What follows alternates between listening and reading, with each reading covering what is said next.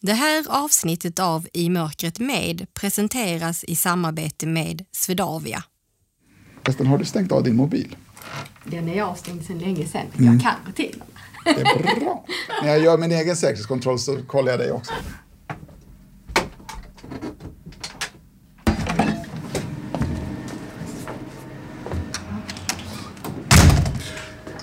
Hej Louise! Hej! Och välkommen till Svartklubben. Hej, tack så mycket!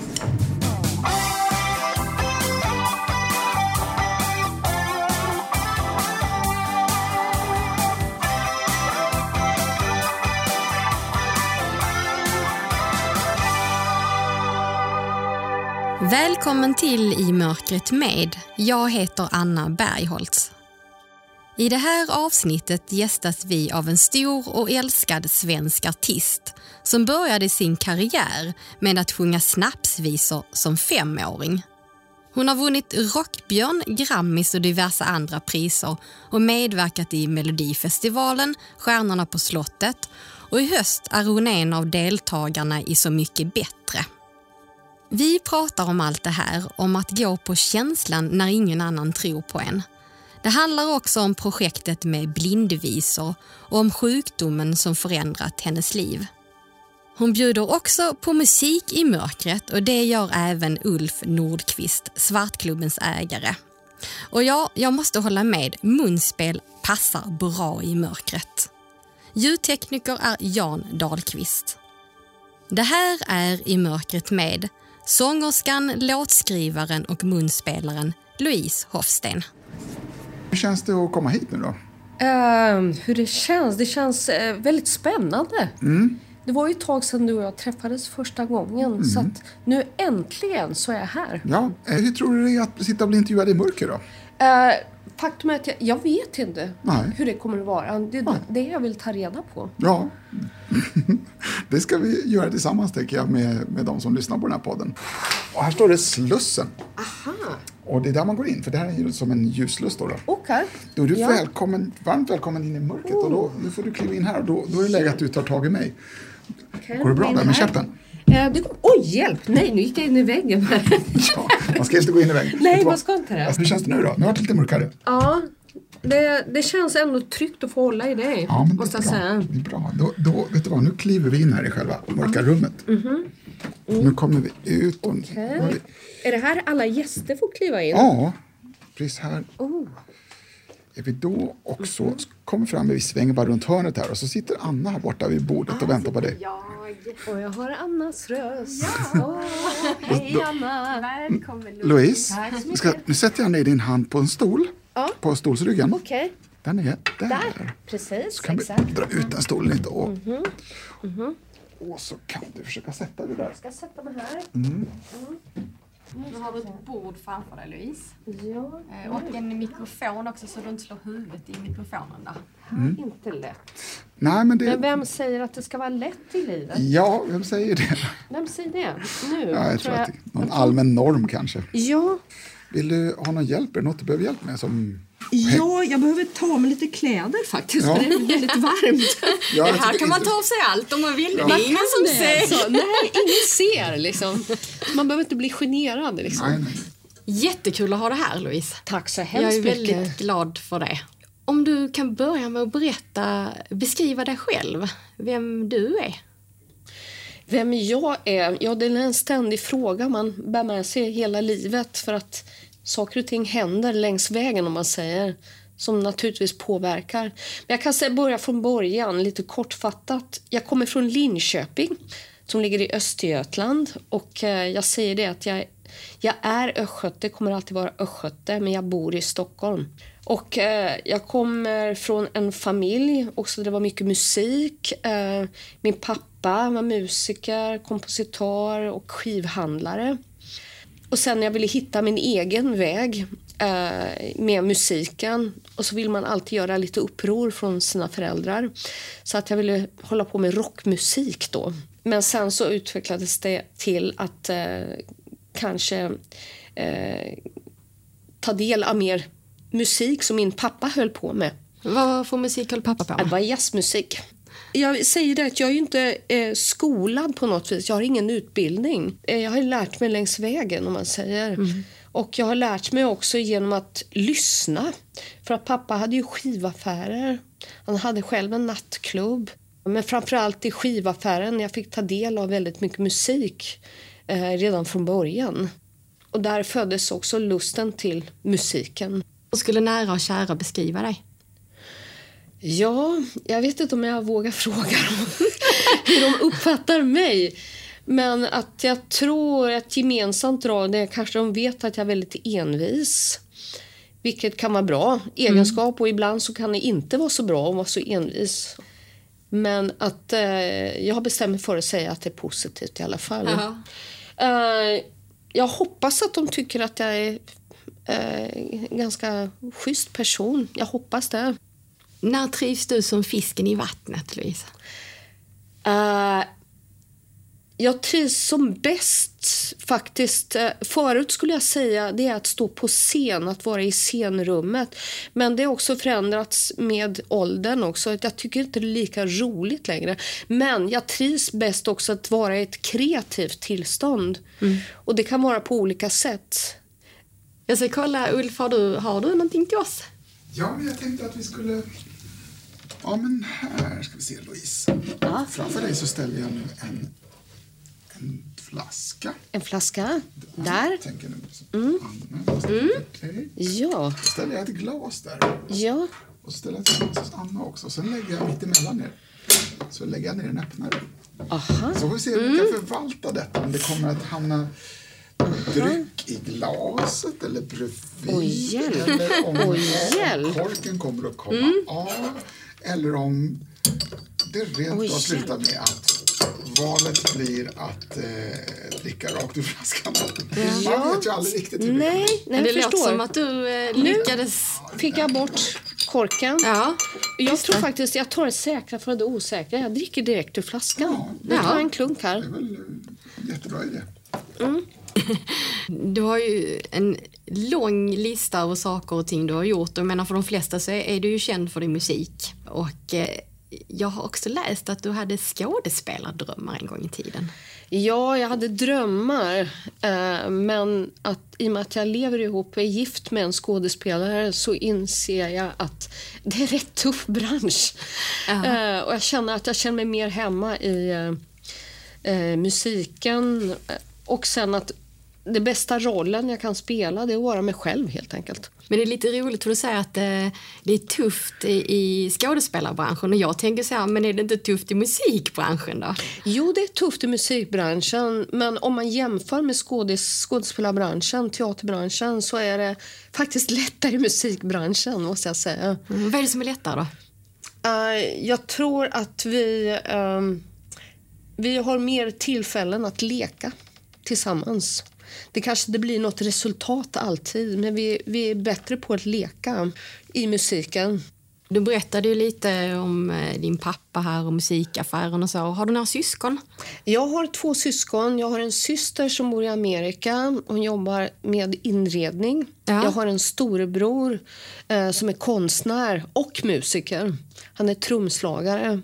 Så det kreativa och konstnärliga ligger i familjen? Ja, mm. det är det. Vad gjorde din mamma då? Mamma hon jobbade med mode. Hon har gjort mm. allt inom modevärlden. Allt från att vara, jobba i fabrik när hon var liten till att jobba som modist, som att jobba som modell. Och sen så hade hon en egen modeaffär. Så båda föräldrarna hade affärer? Ja. Hur var det? Det är klart att jag ville att min pappa skulle ha en godisaffär istället. Så det dröjde innan jag uppskattade att han var musikhandlare. Och mamma hon hade ju jobbat med mode, men jag var ju svarta fåret när det gäller mode. om man säger. Mm. Men min syster tog an den ådran, så hon mm. jobbade delvis hos mamma. Mm. Så att eh, hon är jättebra. Hon får styla mig. Hon har stylat mig sedan jag var liten. Din syster? Eller? Ja. ja. Men var det när du var 15 då som du började spela musik och sjunga själv? Egentligen så började min sångkarriär. Jag började faktiskt att sjunga genom min mamma som kan väldigt mycket visor, mycket texter. Hon har en väldigt stor repertoar med snapsvisor. Så vi har alltid sjungit väldigt mycket snapsvisor. Så egentligen min sångkarriär började där i snapsvisan. Men jag var ju bara liksom fem år när jag började sjunga snapsvisor bara för att jag tyckte de var så roliga. Kanske att det var där som gnistan tändes. När jag märkte att folk var så glada och tyckte det var så gulligt när en femåring sjunger en snapsvisa. När en femåring sjunger snus och mus och brännvin är det bästa jag vet. Då tycker folk att wow, vad gulligt liksom. När kom du till insikt med att ja, men, musik skulle jag vilja eh, jobba med? Jag tänkte aldrig tanken, utan det var mer en slump där också. Eh, min pappa eh, jobbade som kapellmästare i Café Norrköping. TV hade fått reda på att han hade en dotter som sjöng. Men att de tyckte i alla fall att det vore kul om Louise, far och dotter, kunde göra någonting i Café Norrköping tillsammans. Så det var själva eh, startskottet på min karriär så att säga. Hur var det? Uh, första gången i direktsändning då också? Ja, jag var så nervös. Jag vågade inte ens titta in i kameran. Jag bara stod och darra. Jag tyckte det var jätteläskigt. Förstod du då att det där skulle du göra många gånger framöver? Nej, inte riktigt då. Utan det, var en lång väg så att säga. Det var ju ingenting som jag hade tänkt att det här skulle bli min försörjning. Pappa hade ju naturligtvis önskat att man skaffar sig en riktig utbildning. Mm. Så att han vet ju hur slitigt det är ja. i musikbranschen. Så. Men att han har ändå alltid uppmuntrat mig.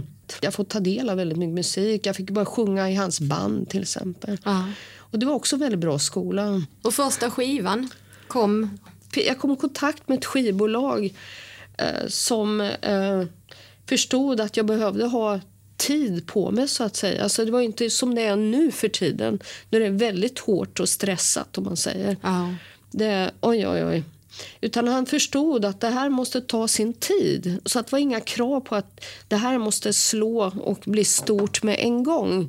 Men min första skiva hette Genom eld och vatten. Och jag ville inte spela in en skiva med eh, vanliga studiemusiker. Jag ville inte ha som en beställningsjobb. Och, utan jag ville jobba med ett riktigt rockband.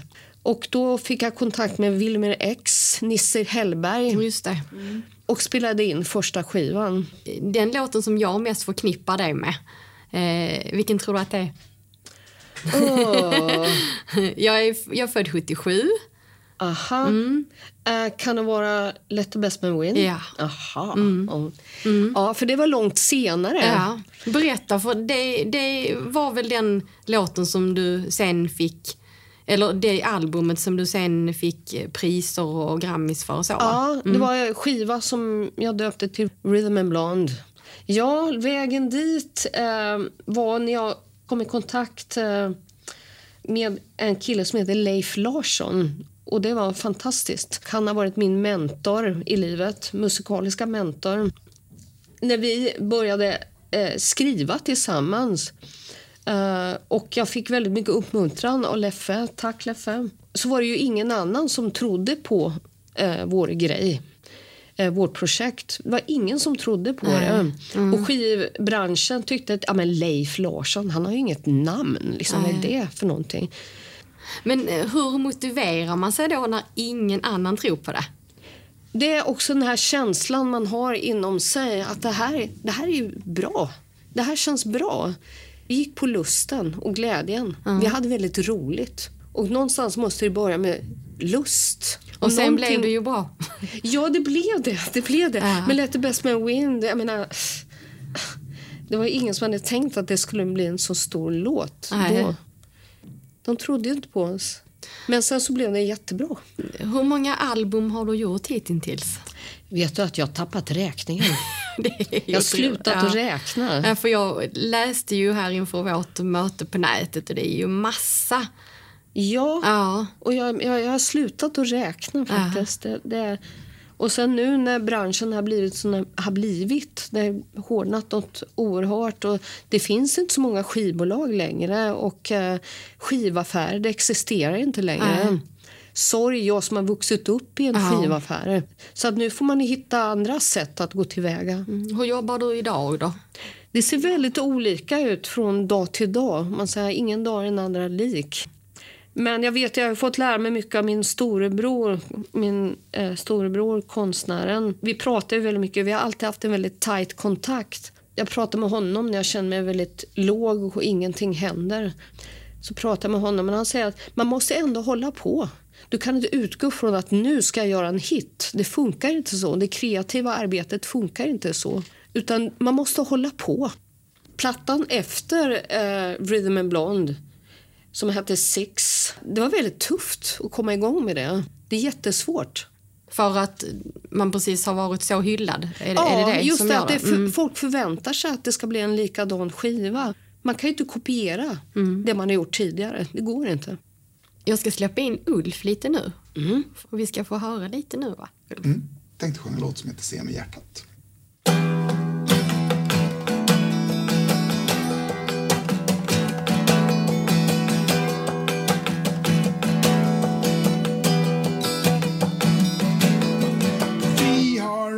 våra vägar, våra liv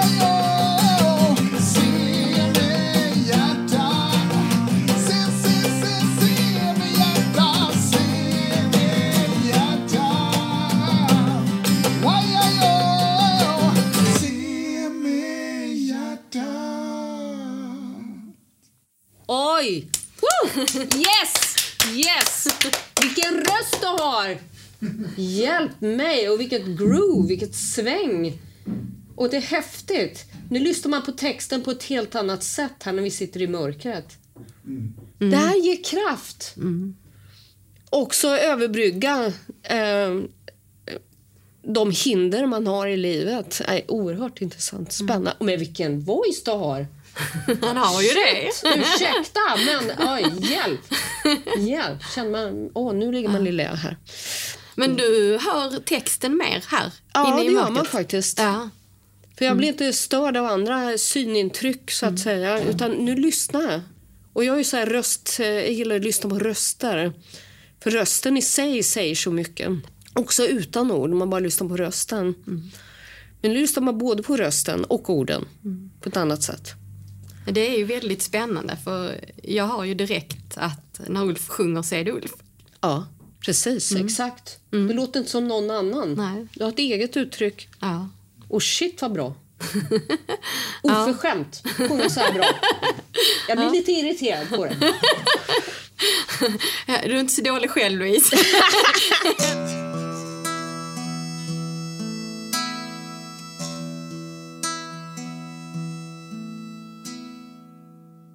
Berätta, hur började din MS och förstod du att det var någonting som inte stämde? Ja, då när jag var 30 Uh, Eh, och efter en jobbig skilsmässa. Och, eh, och sen jag uppsökte läkare och trodde att jag hade fått eh, såna här symptom som jag trodde det berodde på ett brustet hjärta. men att min läkare sa att de, de var väldigt snälla och tog, all, i alla fall tog min historia på allvar. Men de sa att vi ska ändå undersöka och se vad det är som är problemet. Och sen så fick jag ju, svaret då att det var MS jag hade. Och jag kopplade inte ihop det. Jag var 30 år och mitt i livet. Mm. Eh, så jag förstod inte. Vad var din reaktion när du fick det beskedet? Det beskedet tänkte jag att nu är livet slut. Nu är det kört. Först börjar ju liksom hela den här processen med förnekelse. Att nej, det här är inte sant. Det, här kan inte, det stämmer inte. Jag är mitt i livet, jag är 30, herregud. Eh, jag kan inte ha en kronisk sjukdom. Liksom. Och det hade ju bilder av det där. Då tänkte jag, jaha, det var rullstol och döden. Men då kände jag att nej, det måste finnas sätt att kunna måla om de där bilderna. Det var väldigt svårt. Det är en lång process att komma till ja. acceptans över den nya livssituationen. Och Det är en process som fortgår i hela livet. så att säga. Till slut kom jag i alla fall i kontakt med eh, någonting som heter Rehab Station i Stockholm. Och Det var genom en kollega, eller en kompis som jag träffade via ett bokförlag som själv var rullstolsbunden. Och Han tipsade om Rehab Stockholm. tänkte att det här kanske är ett bra ställe också att få lära sig. En, det, jag ser det som en skola det är en skola att lära sig leva i sin nya situation. Mm. För mig handlade acceptans. Vad då acceptera? Det, det, jag trodde att det var samma sak som att ge upp. Men det handlade inte om det. Det handlar inte om det. Utan det handlar mer om att hitta nya redskap. I början ville jag inte, kunde inte jag ta emot hjälpen och mm. ta till mig det. Som sagt det är en lång process. Mm. Men jag har fått eh, ta del av saker som ändå har hjälpt mig stort i livet. Jag känner så väl igen det, för jag förlorade ju min syn när jag var 24. Ja. Eh, och i början så ville jag absolut inte ha någon rehabilitering. Nej, absolut inte. jag klarar mig själv. Jag ja, var inte exakt. som de blinda. Nej, exakt. De blinda. Nej, precis. Ja, du känner igen det? Jajamän. Nej, men det är ju en resa. Det är jo, det. Är det. Mm. Och det fortgår hela tiden. Hur mår du idag? Visst, jag har blivit lite sämre. Jag är inte liksom tipptopp. Men att jag känner ändå att jag har eh, eh, sett att lära mig att hantera situationer i livet eh, i det tillstånd jag befinner mig just nu. För mig var största skräcken var att man skulle hamna i rullstol. Det är inte det längre. Utan jag har fattat eh, tack vare att jag, jag eh, rehab Stockholm att rullstolen inte är liksom slutet. Rullstol är ett hjälpmedel. Det här är ett sätt också, ett redskap också för att, att äh, spara på orken. Och jag äh, åkte till Paris. Jag tänkte, normalt sett skulle inte jag orka att vara i Paris och uppleva alla museer och titta och vara med om allting. Men tack vare att jag tog med mig en rullstol så kunde jag spara på lite energi och ork. Mm. Det är inte det att jag inte kan gå. Visst, jag kan gå, lite vingligt, men jag kan gå. Men det här är för att spara energi. Klokt tänkt. Ja, det är det jag lärde mig där på Rehab ja. Stockholm. Att spara energi. För ja. att kunna vara så självständig som möjligt. Hur mycket tänker du på framtiden just när det gäller din sjukdom och så? I början när jag var nysjuk så upptog det all tid. Det gör inte det längre och det är också där jag fått hjälp med att vara på Rehab Stockholm. För från början tänkte jag att jag är inte som dem, men jag är det. Men också komma i kontakt med andra människor som lever med samma diagnos och se att, eh, att resultatet ser väldigt olika ut. Det finns de som sitter i rullstol på Rehab Stockholm. Det finns de som går jättebra. Det finns alla sorter, så att säga. Men att folk är ändå aktiva. Eh, de, liksom jag, de har ju också en bakgrund. Också när man pratar, om man inte bara pratar sjukdom, pratar liksom hej, vem är du, var kommer mm. du ifrån? Mm. Alla människor har haft drömmar och mm. förhoppningar. Då får man komma i kontakt med de människorna och se att hur det ser ut. Alltså, du, du, har ju valt att vara väldigt öppen med din EMS. Och så tänker jag när du då kom till rehabstation, folk måste ju ha känt igen dig. Mm. Hur var det? Ja, det där var skitjobbigt. Det där mm. var jättejobbigt. Ska jag erkänna. Man vill isolera sig, man vill vara i den normala roll som man tyckte från början, som man var känd för. Mm. Och sen så kan man inte vara det längre. Nej, det var tufft. När valde du själv att uh, gå ut med det offentligt att du hade fått MS? Ja, det var när jag fick mitt värstingskov. Jag var på väg till USA för jag skulle jobba med min karriär där i USA.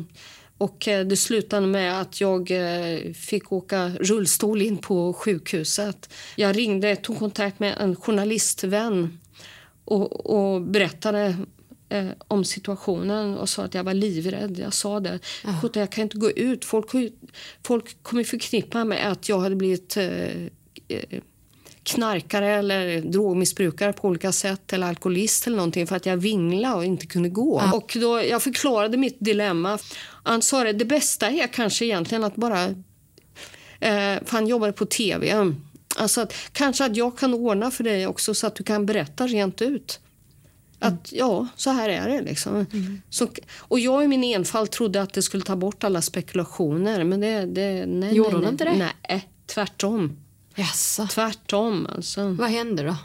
Det hände allt, men det blev liksom så sensationstänk så att säga. Mm. Men sen är det också så här, det är jobbigt också. Vilken, vilken eh, roll du vill ha i livet. Ja. Jag vill inte vara, bli förknippad då med en diagnos.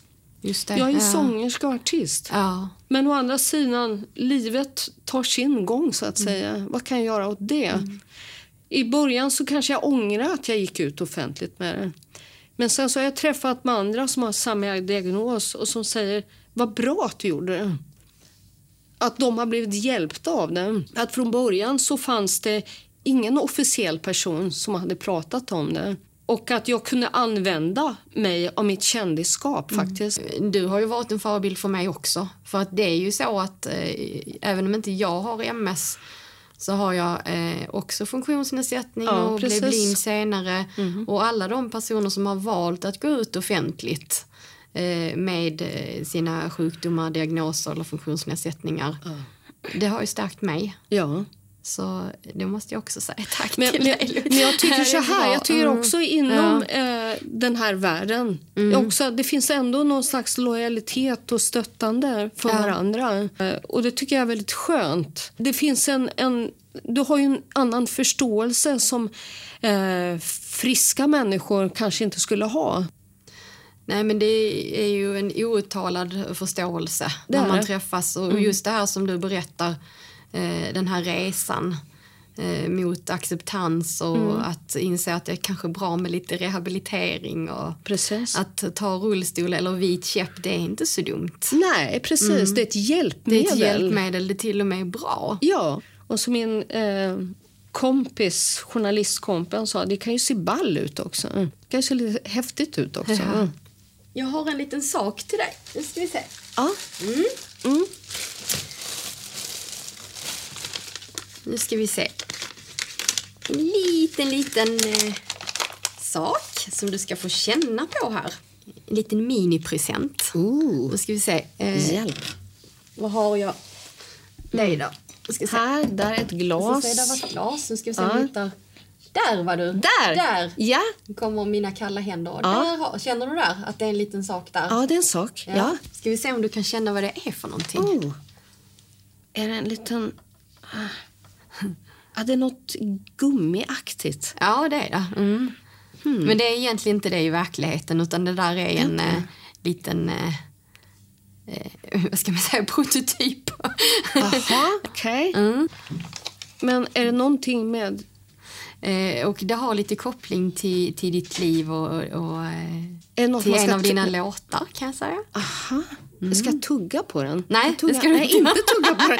Jag tänkte, jag som har varit en godisgris, liksom, ska tugga ja, på den. Det ser nästan ut som en liten godis. Ja, det gör det. Sen ska du få en sak till här. Ah. Eh, men vad är det, det, det är också en, en eh, samma sak, ja. fast eh, lite annan variant. Känner ja. du det? Jajamän. Det kanske du kan känna vad det är. Vad är det? Det här är lite mer hårdplast. Ja. Och, eh, tänk inte på materialet, utan i verkligheten så är det eh, något annat. Just namn. Om jag säger att det är något eh, djuraktigt. Aha. Ett djur? Mm. Det är en fisk. Ja. Ja. Only the dead fish follow the stream. Ja, precis. Men det här är också en bra metafor. Också med att ha eh, funktionshinder av olika slag. Hur ska man kunna ändå överbrygga detta? Och ska man göra som alla andra? Man får hitta sin egen väg. Man måste, man är tvingad att hitta sin egen väg.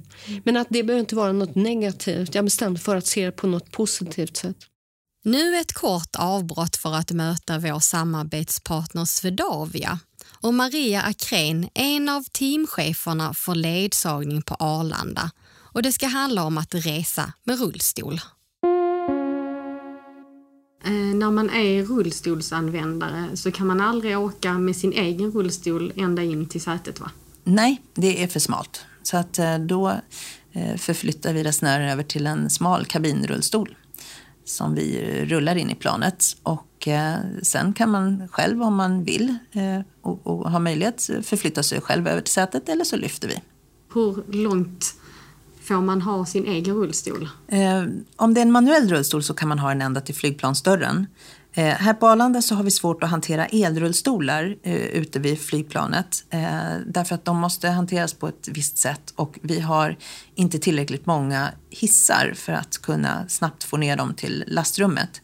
Så att eh, i normala fall så lämnar man in sin elrullstol vid specialincheckningen och sen har man antingen med sig en egen manuell rullstol eller så får man låna en av oss.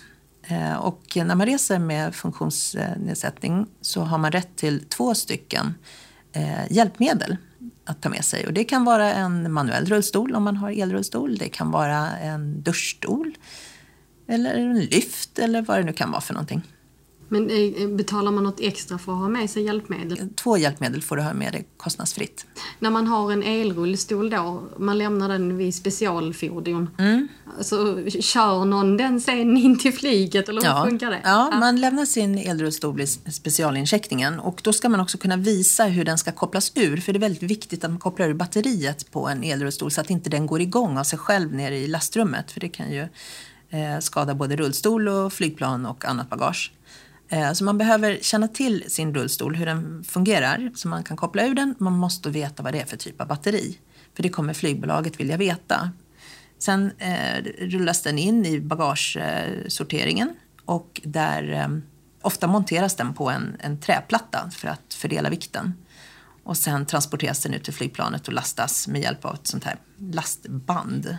För att de är väldigt tunga elrullstolarna och de är väldigt svåra att att liksom förflytta eh, när man har kopplat ur batteriet. De är jättetunga, jag har försökt.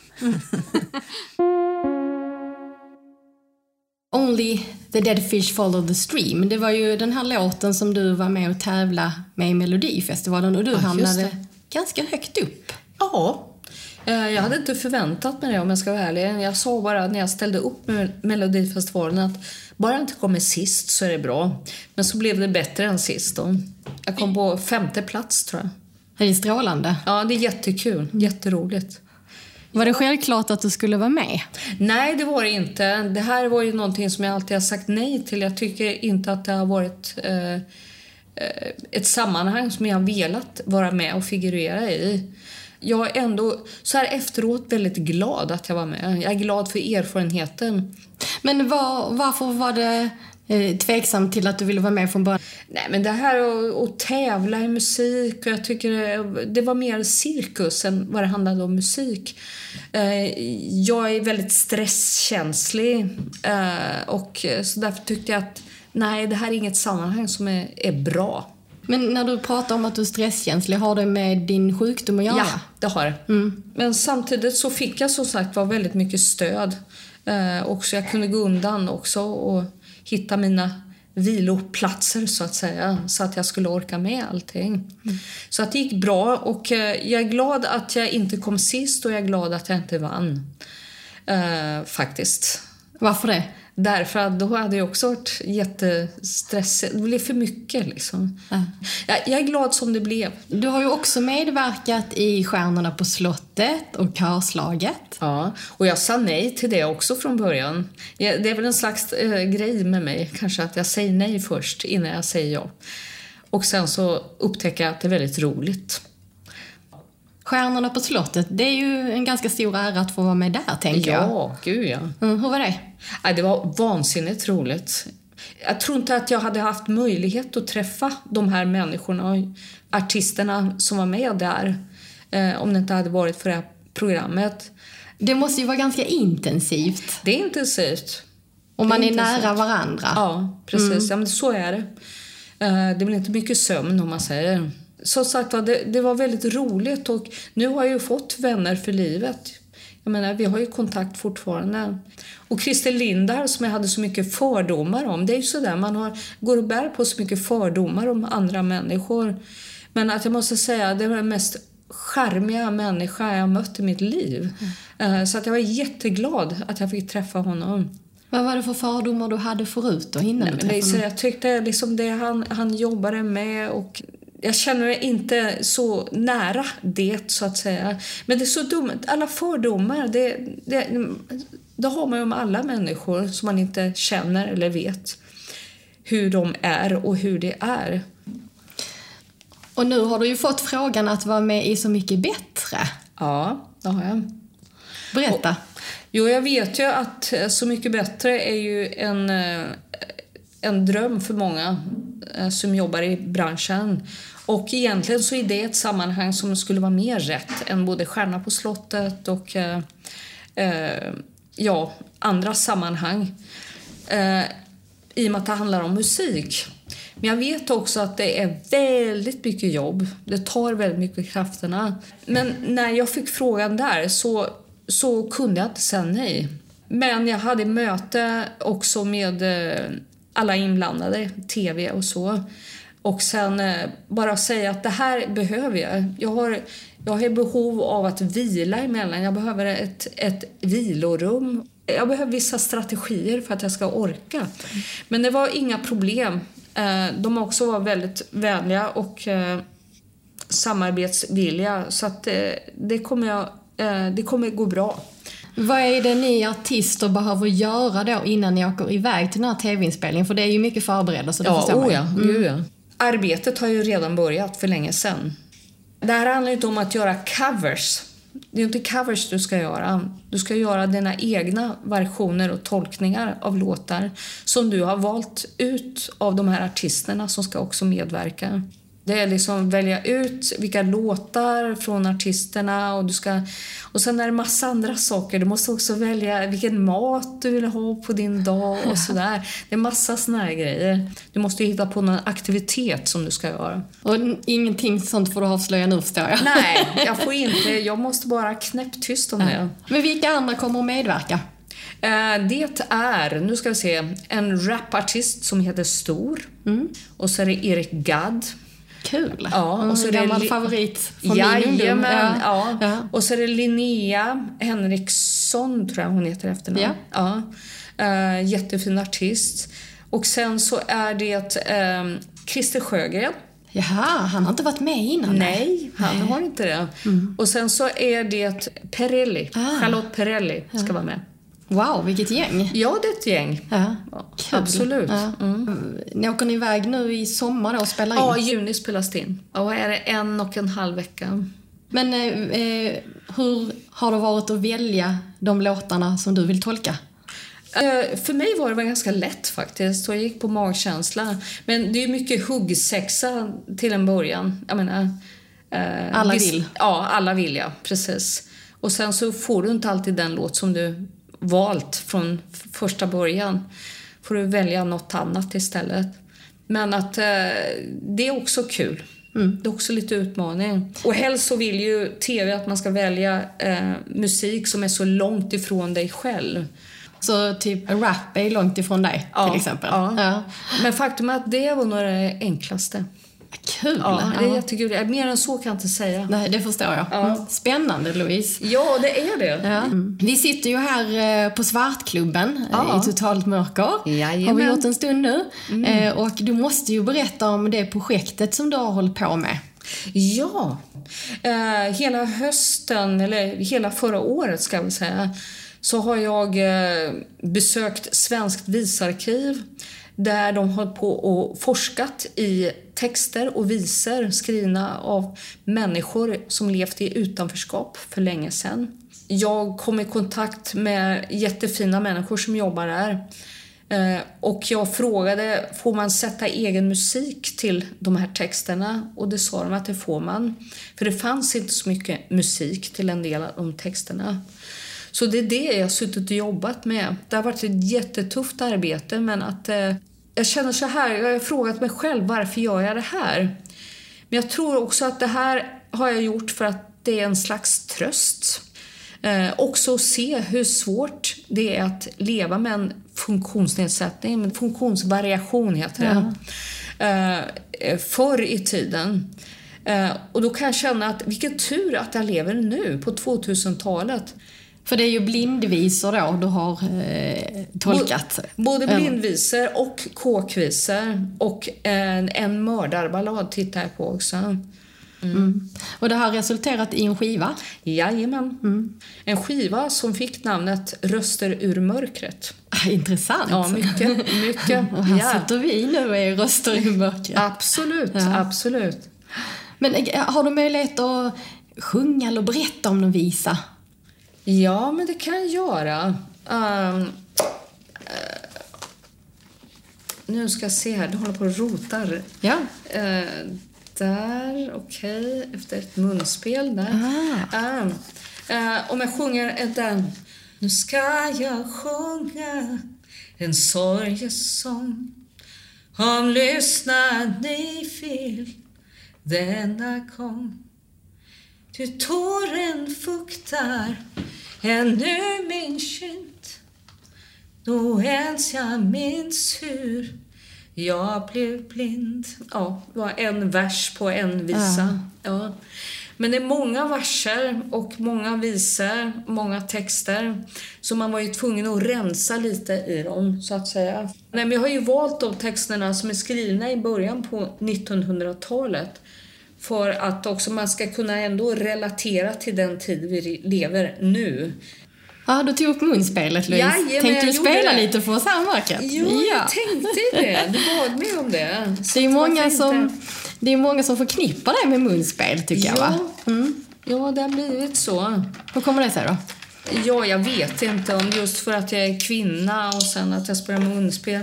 Men att jag använder det här som en förlängning på rösten kan man säga. Är du självlärd då? Ja, jag är ju det. Varsågod. Ja. Ja då.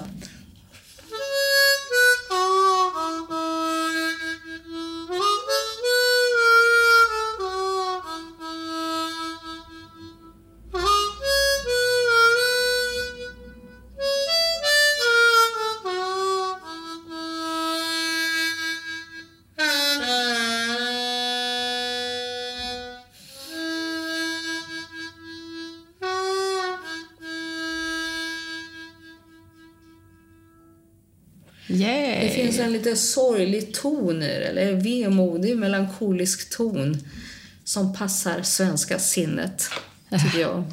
Det här mu- munspelet är ju så bra, för ett instrument man kan ha med sig i bakfickan överallt. Det är liksom ingenting tungt man måste släpa på. Det är väldigt praktiskt. Och hur var det att spela nu i mörkret? Underbart. Ingen skillnad eller? eller? Jo, det är skönt. Det är skönt. Och det är inte runt omkring som stör. Jag kan bara fokusera. Ja, det är jag och mitt munspel. Ja. ja det är jätteskönt. Härligt. Ja, det passar i mörkret faktiskt med munspel. Ja, det får jag säga. Ja, så jag vet inte vad, Ulf, är du här eller? Ja, ja. ja men jag tycker det funkar bättre än gitarr faktiskt. Eller har jag fel? Nej. Jag håller helt med, för det är liksom... För det blir mäckigt liksom. Det är massa mm. saker runt omkring man måste ha och förstärka den med, mun, med mm. gitarren. Men det här, det här är ju helt fri. Ja. Du är helt fri. Ja, Nej, men det är ju precis som du säger, det är ju ingen skillnad att spela munspel i ljus eller mörker. För Nej. det finns ju ingenting som är kopplat till ögat Nej, i munspelet. ingenting. Ja. Och sen här sitter man bara, du och ditt munspel liksom. Mm. Ja, jätteskönt. Jag tycker om att sitta här och spela. Mm. Jag kommer hit oftare och öva. Ja, men nu tar du fram gitarren. Ja, men, ja, men underbart. Okej då, ska vi dra en blues eller? Ja. Ah, perfekt. Helt... Yes.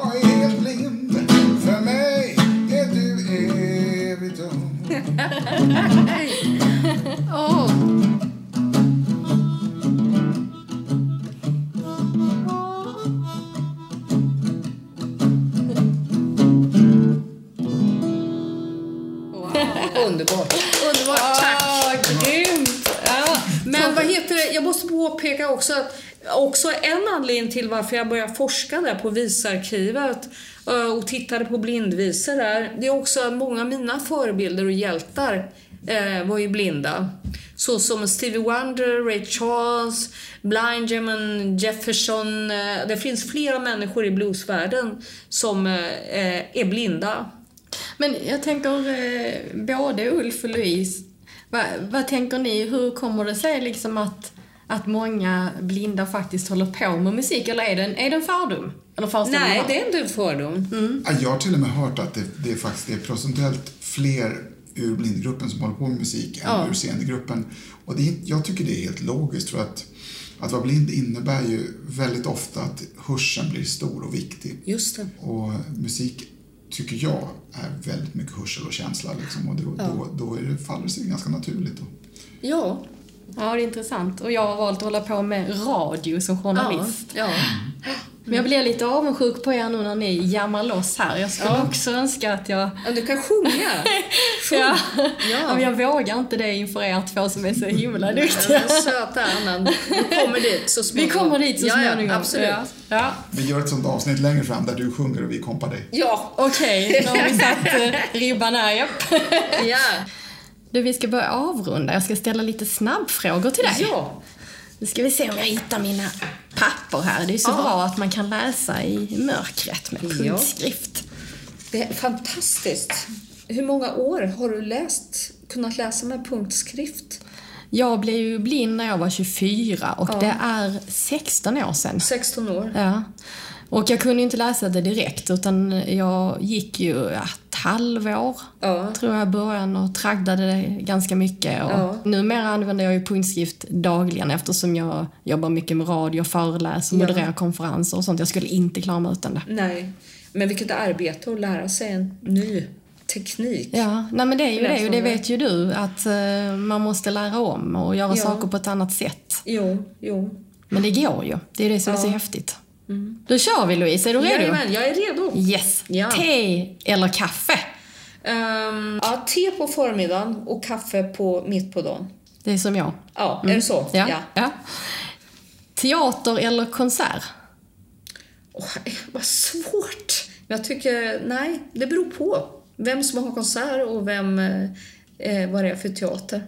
Hemmakväll eller utekväll? Hemmakväll. Det var snabbt. Ja. Mm. Tveklöst. Hemmakväll. Men du har väl mycket utekvällar när du spelar och så? Ja, precis. Så den kvoten fylls där. Lyssna till musik eller musicera själv? Ehm, jag kan inte välja där heller. Både och. Eh, stuga eller globetrotter, alltså resa runt? Resa runt. TV-program, Idol eller Debatt? Eh, inte Idol. Debatt. Varför inte Idol? Nej, det är inget som lockar. Nej.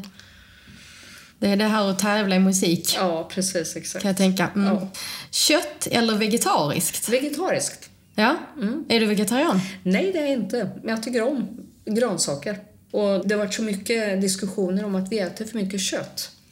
Så att eh, om jag ska välja då, då väljer jag vegetariskt. Katt eller hund? Jag är nog egentligen kattmänniska. Men...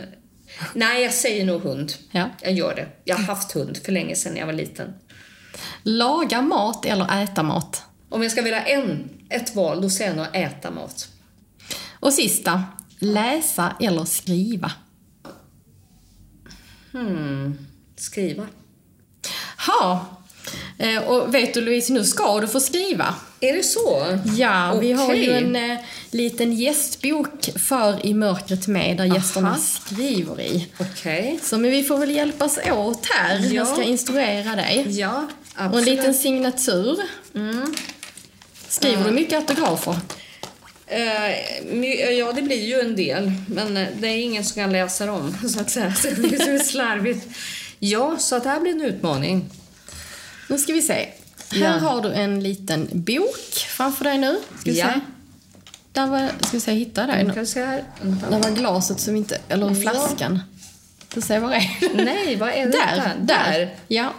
Okej. Känner du boken där? Eh, nej, jag gör inte det. Jag ser. Det här, jag har någonting... Jo, vänta. Där. Skulle jag öppna den där? Där har du. Och den är redan framme. Ja. Så här är det. Nu? Ja. Okej. Eh, och du sen ska här. skriva på, på denna sidan där. Ja, okej. Och pennan? Så, där har du pennan. Ja. Mm. Så. Och så kan du skriva på, vad blir det nu? Uh, höger sida för dig va? Ja. Ja, nu blir det... Nej. Jo, det blir det. ja, precis. Okej. Nu försöker jag här. Så.